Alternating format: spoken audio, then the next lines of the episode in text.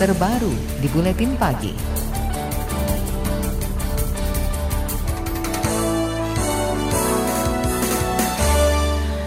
Menteri BUMN Erick Thohir merancang strategi pembenahan tata kelola perusahaan plat merah yang berjumlah 142. Selain soal perampingan birokrasi, Erick juga ingin memperkuat kewenangan dalam mengontrol BUMN dan anak usahanya. Erick bakal mengeluarkan peraturan menteri untuk memperketat pembentukan anak cucu usaha BUMN. Ia juga menyoroti minimnya kontribusi anak cucu BUMN itu bagi penerimaan negara. Misalnya BUMN yang memproduksi baja, Krakatau Steel. Erik prihatin dari 210 triliun rupiah total keuntungan dari BUMN mayoritas diperoleh dari 15 perusahaan saja. Saya tidak akan menyetop mereka membuka anak perusahaan. Tetapi kalau alasannya tidak jelas, baru saya stop. Karena saya tidak mau juga perusahaan-perusahaan BUMN yang notabene masih sehat, ke depannya justru tergerogoti oleh tadi oknum yang sengaja menggerogoti daripada perusahaan yang sehat-sehat itu. Contoh saja di Karakatau Steel, dengan hutang hampir 40 triliun, Karakatau sendiri punya anak perusahaan yang berjumlah 60. Menteri BUMN Erick Thohir juga menyoroti banyak perusahaan negara justru tidak fokus menggarap bisnis utamanya. Ia juga heran semua BUMN malah sibuk membangun bisnis hotel. Karenanya, Erick meminta diberi kewenangan untuk mengutak-ngatik BUMN dan anak usahanya tanpa harus terbelit prosedur panjang. Kewenangan itu meliputi merger, menutup, dan mengakuisisi perusahaan. Erick Thohir juga menjanjikan perbaikan transparansi pengelolaan keuangan dan mengakui ada masalah dalam proses lelang di BUMN sehingga banyak direksi yang diciduk KPK. Kinerja buruk BUMN juga terlihat dari jumlah perusahaan plat merah yang mengalami kerugian setiap tahun. Menteri Keuangan Sri Mulyani membeberkan 7 dari 41 BUMN yang merugi meski telah disuntik modal negara pada tahun 2018. Di antaranya PT Krakatau Steel, PT PAL, PT Dirgantara Indonesia, dan Perum Bulog.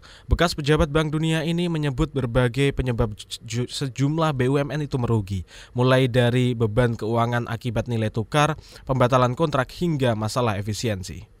Tahun 2015 ada 33 BUMN laba, 8 rugi.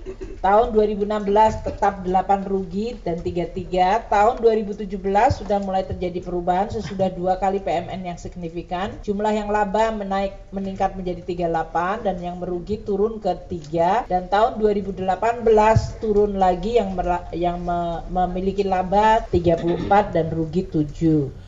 Kementerian Keuangan mencatat suntikan modal negara untuk BUMN telah mencapai 130 triliun rupiah selama empat tahun terakhir. Tahun depan, pemerintah menyiapkan suntikan modal 18 triliun rupiah lebih atau turun 2 triliun dari besaran tahun ini. Presiden Joko Widodo mendukung semua upaya Menteri BUMN Erick Thohir untuk membenahi tata kelola BUMN, termasuk perombakan manajemen perusahaan strategis. Jokowi menekankan perbaikan tata kelola ini harus berimbas pada produktivitas perusahaan negara. Menurut Jokowi, Erick mesti memastikan aset BUMN yang mencapai 8 triliun rupiah bisa produktif dikelola urusan BUMN apalagi yang berkaitan dengan teknis itu urusan Menteri BUMN jangan dinaikkan ke saya. Tanyakan ke Pak Erick Thohir langsung. Tapi yang jelas saya ingin pengelolaan tata kelola manajemen yang ada di BUMN diperbaiki Presiden Jokowi juga menempatkan dua wakil menteri untuk mendampingi Erick Thohir. Jokowi merestui perombakan BUMN strategis seperti Pertamina, salah satunya dengan mengangkat bekas Gubernur Jakarta Basuki Cahayapurnama sebagai komisaris utama. Selain itu, sejumlah bekas menteri Kabinet Kerja juga digadang-gadang bakal mendapat kursi pimpinan perusahaan plat merah. Salah satunya bekas Menteri KKP Susi Pujiastuti di Perum Perindo. DPR mendesak Menteri BUMN melakukan moratorium atau penghentian sementara pembentukan anak cucu usaha BUMN. Anggota Komisi BUMN DPR dari fraksi PAN Nasril Bahar mengatakan upaya pengetatan saja tidaklah cukup untuk memutus masalah klasik di BUMN. Ia berpendapat saat ini tidak ada urgensi menambah anak cucu usaha karena sudah terlampau banyak. Cenderung lebih cenderung seharusnya saya mendorong untuk dilakukan moratorium pembentukan anak perusahaan. Nggak ada urgensinya kepada pada kita untuk membentuk perusahaan yang sifatnya anak, cucu, dan cicit badan usaha milik negara yang sesungguhnya itu, itu kan bagian daripada BUMN itu sendiri. Jadi yang seharusnya dilakukan adalah pengetatan, pengetatan dan sekaligus dilakukan moratorium. Anggota DPR Nasril Bahar menduga ada indikasi korupsi dalam pembentukan anak cucu usaha BUMN. Ia meminta pemerintah menyisir kembali perusahaan negara berdasarkan kinerjanya. Jika ditemukan ada perusahaan yang sakit atau tidak efektif, sebaiknya ditutup agar tidak membebani negara. Pengamat BUMN dari Universitas Indonesia, Toto Pranoto, mendukung langkah Menteri Erick Thohir membatasi pembentukan anak cucu usaha perusahaan negara. Toto beralasan selama ini banyak anak usaha BUMN berkinerja buruk. Menurutnya, Erik juga bisa menertibkan anak cucu perusahaan karena diberi kewenangan dalam undang-undang.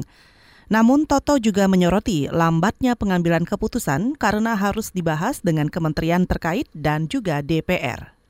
Jadi mesti ada kriteria yang jelas mengenai kapan itu uh, anak perusahaan BUMN bisa didirikan dengan syarat-syarat seperti apa gitu ya. Jadi di luar syarat-syarat ideal yang dipersyaratkan itu saya kira mungkin sebaiknya di, uh, bisa ditolak gitu ya sehingga jumlah anak perusahaan juga menjadi tidak terlalu besar dan kalau memang akan mendirikan anak perusahaan juga memang yang betul-betul produktif dan bisa mendukung kepentingan induk usahanya. Pengamat BUMN Toto Pranoto juga menambahkan perlu ada penguatan fungsi pengawasan untuk mencegah BUMN merugi. Perusahaan perlu memberdayakan Dewan Komisaris untuk melakukan monitoring kerja secara optimal.